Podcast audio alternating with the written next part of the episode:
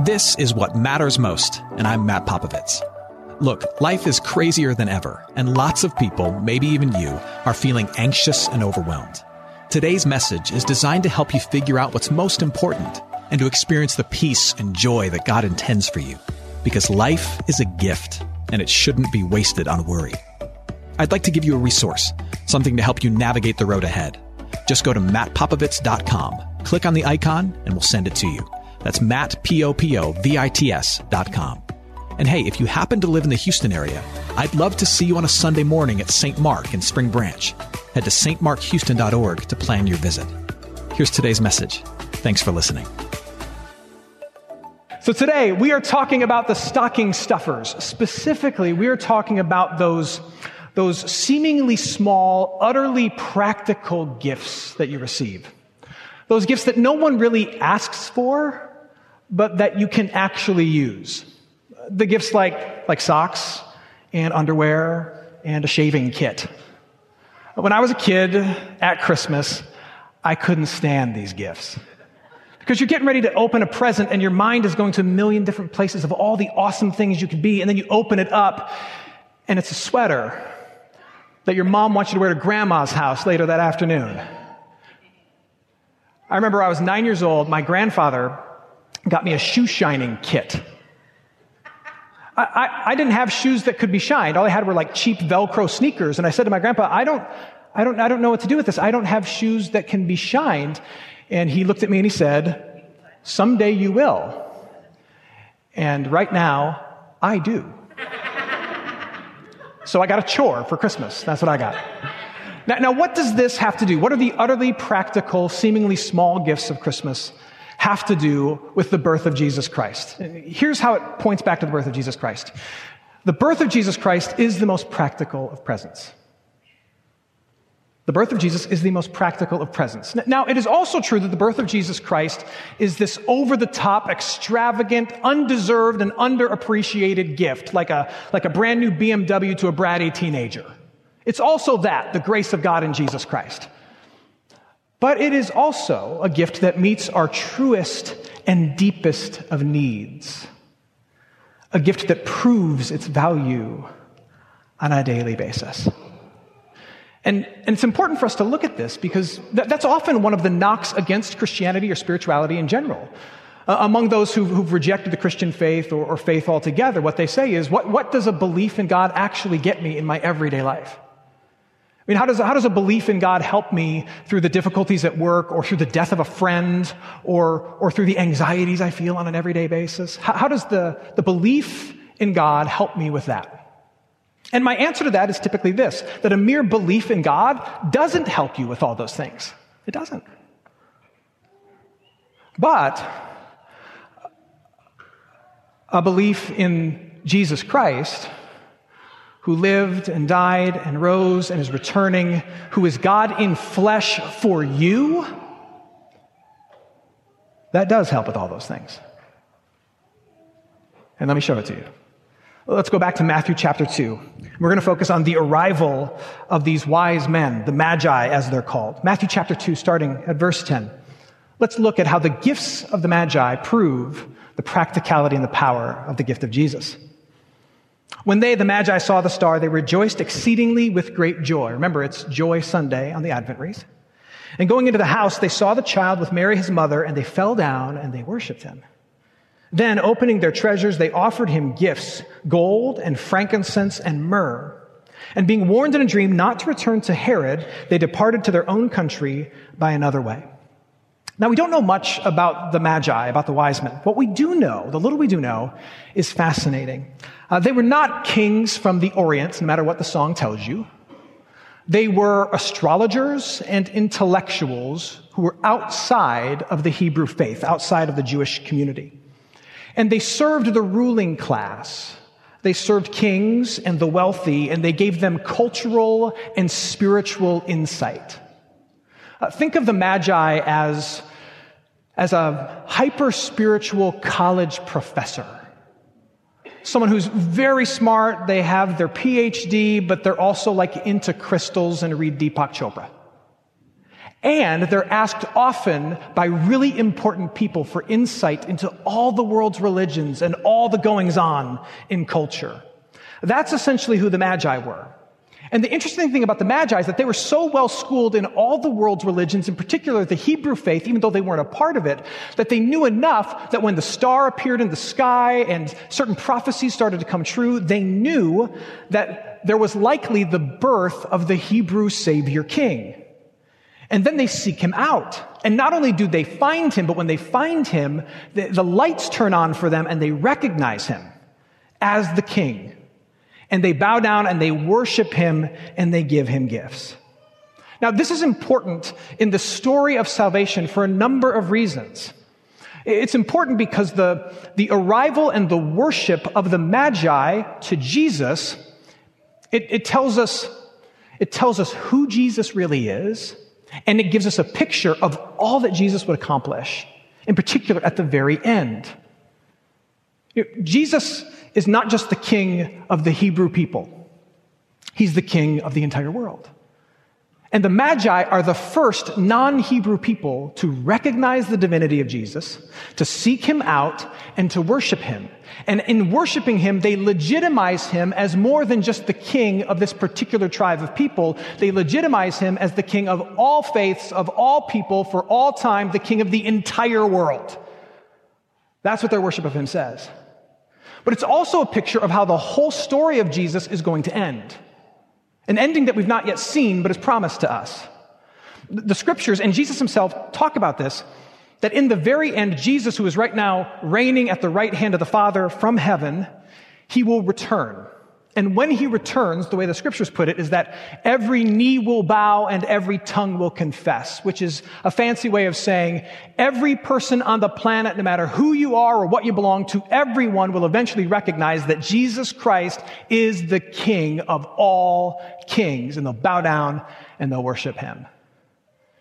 It won't just be the religious people who bow down and worship him. It won't just be uh, the Christian people who bow down and worship him. It, it, it will cut across every dividing line. Uh, rich and poor will worship him. All the economic classes will worship him. It'll, cross, it'll cut across political divides. Uh, liberals and conservatives will bow down and worship him. It'll cut across um, age and demographic lines. Everyone from the millennial to the okay boomer, everyone will bow down and worship him. Everyone will recognize that, that Jesus Christ is king. And what you're seeing in the worship of the Magi is a glimpse of the ending at the very beginning.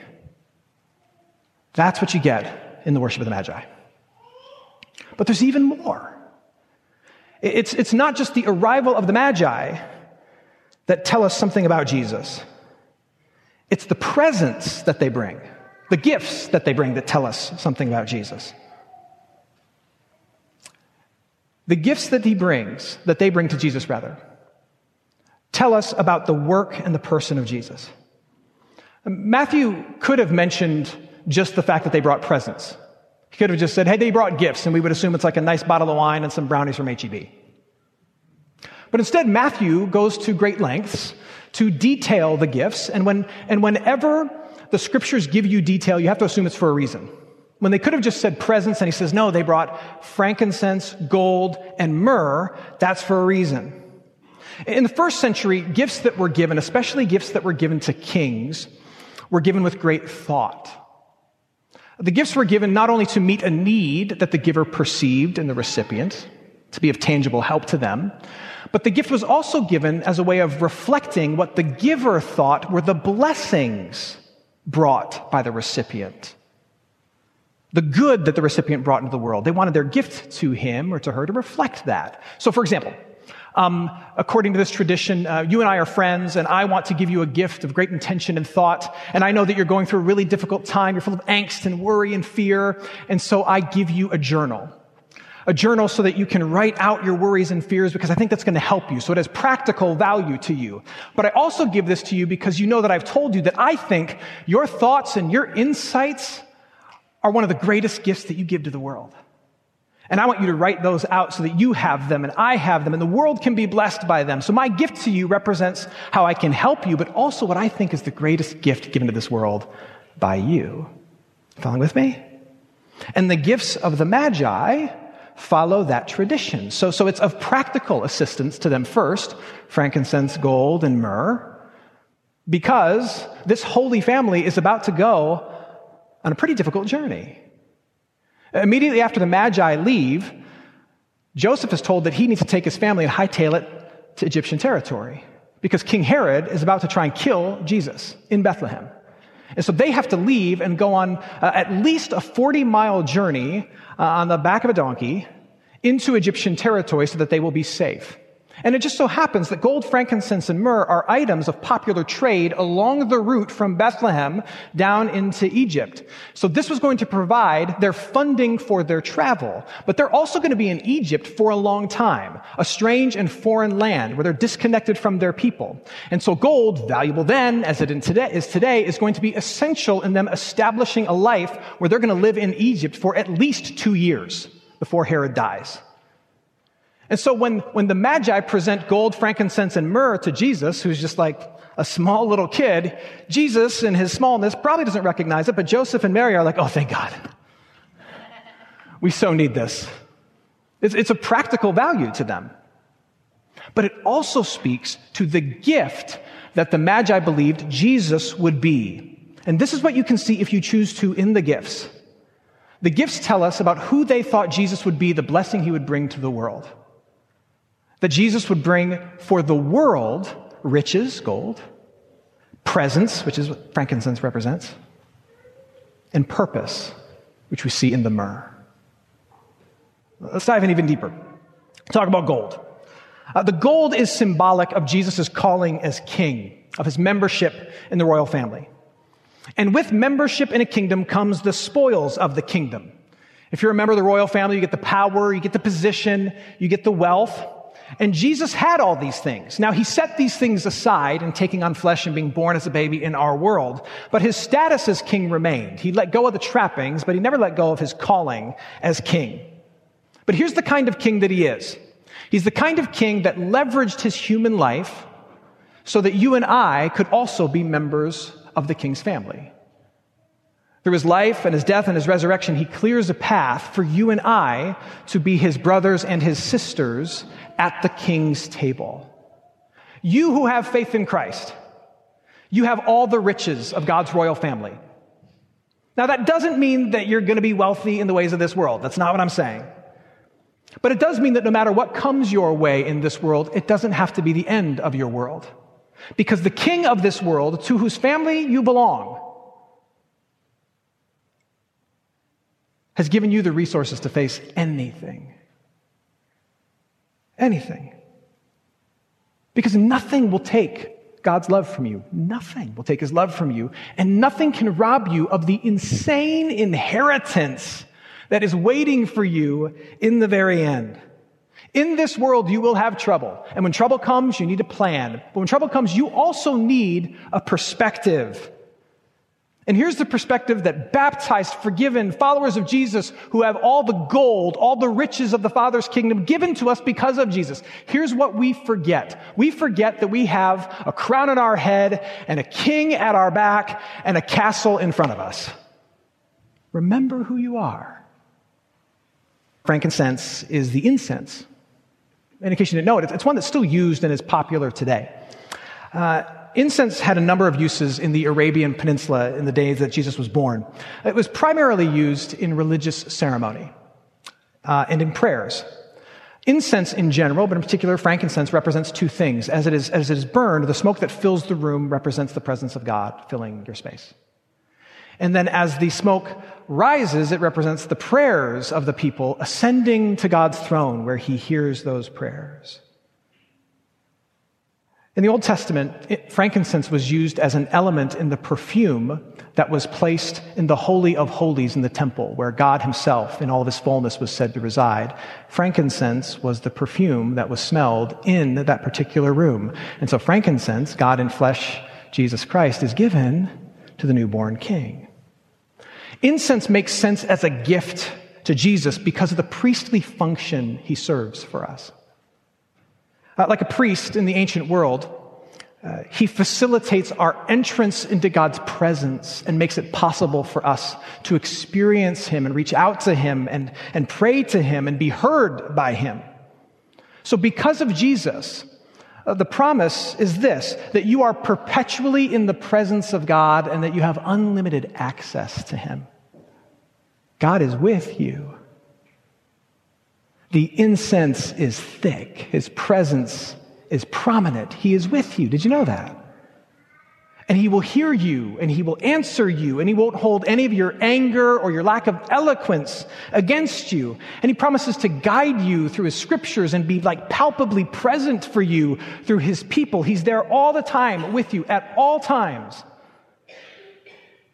You, you have some fear and anger that needs to be expressed and it needs to be expressed to God and you can. He's here with you and he's listening. You have some big decisions in front of you. You need the wisdom of God, and He's got wisdom for you in His Word. You have some places in your life where you're isolated and you're cut off and you're all alone. And God's people are here ready to be His presence for you. You don't have to do it alone. All you have to do is speak and say and reach out and look up and say, hey, and He will hear you. Because Jesus has promised God's presence for you. I hope you're enjoying today's message. For more of what matters most, you can head to mattpopovits.com. There you'll find other messages. You can support this ministry as well as access your free gift. Oh, and if you're looking for a local church and you live in Houston, come and see what's happening at St. Mark Houston. To plan your visit, head to stmarkhouston.org. Thanks for listening, and back to today's message. Myrrh is the most meaningful of gifts if you choose to see it that way. Myrrh had many uses in the ancient world. It too was an incense, but often um, it was extracted as an oil and, and it would be mixed with wine and used as a medicine. It was most notably used as part of the embalming process in the ancient world to cover over the odor of death. The Gospel of Mark tells us that as Jesus was hanging on the cross, dying for the sins of the world, he was offered wine mixed with myrrh as a kind of sedative. The Gospel of John tells us that when Jesus was taken down from the cross after having died, he was wrapped in linen cloths along with 70 pounds of spices, aloe, and John says, myrrh. This gift is seen by many as a hint, a nod at the fact that this baby was born with a purpose. This baby was born to die. In fact, that his life was born for death.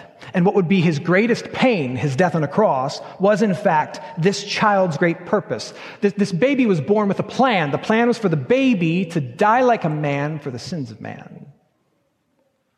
And those words, plan and purpose, are very important. There was a plan and a purpose in Jesus' pain from the very beginning. They give him myrrh, which covers over the stench of death, which is given to the dying or the dead. Because God's plan was that in Jesus' worst, God the Father was going to be accomplishing his best. And because you belong to Jesus Christ, the same is true for you. Here's what the myrrh means for you and for me. It means that there is purpose in the pain of Jesus, but there's also purpose in your pain and mine. God promises that in weakness, He is at work. In your struggles, He is sovereign. He's in control.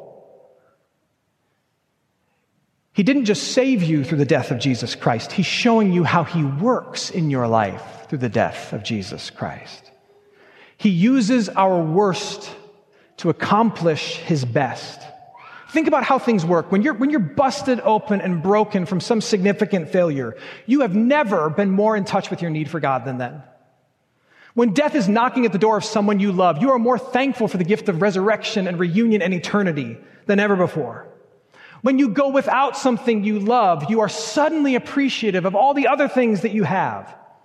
In the aftermath of tragedy, God moves among people to bring reform and offers of empathy that would have never been known otherwise. He uses our worst and our pain to accomplish his best and what's beautiful. That was true in the death of Jesus, and it is true for all people, especially those who belong to Jesus. Now, I'm not saying you're always going to be able to see the purpose in your pain. You're always going to be able to appreciate it. What I am saying is this. Here's what Jesus' death tells us. God works through, a, God works through pain to accomplish his purposes. And so in your pain, there is always a purpose. God works through our pain to accomplish his purposes. So in your pain, there is always a purpose. He's working, he's moving at the very least. If you open your eyes to see it, he's making you aware of your need for him. And this is a message that our culture desperately needs to hear. Because as our world continues to embrace secular humanism as the primary worldview, and scientism, the belief that science has the answer not just for some things, but absolutely everything, the world will become increasingly devoid of hope. And I don't know if you've noticed, but our world is getting increasingly hopeless. And if you don't believe me, just look at the rates of self harm and suicide in our world, or addiction and despair, and anxiety and struggle. I'm not against humans, I have several in my life. I'm not at all against science. I, I, love it.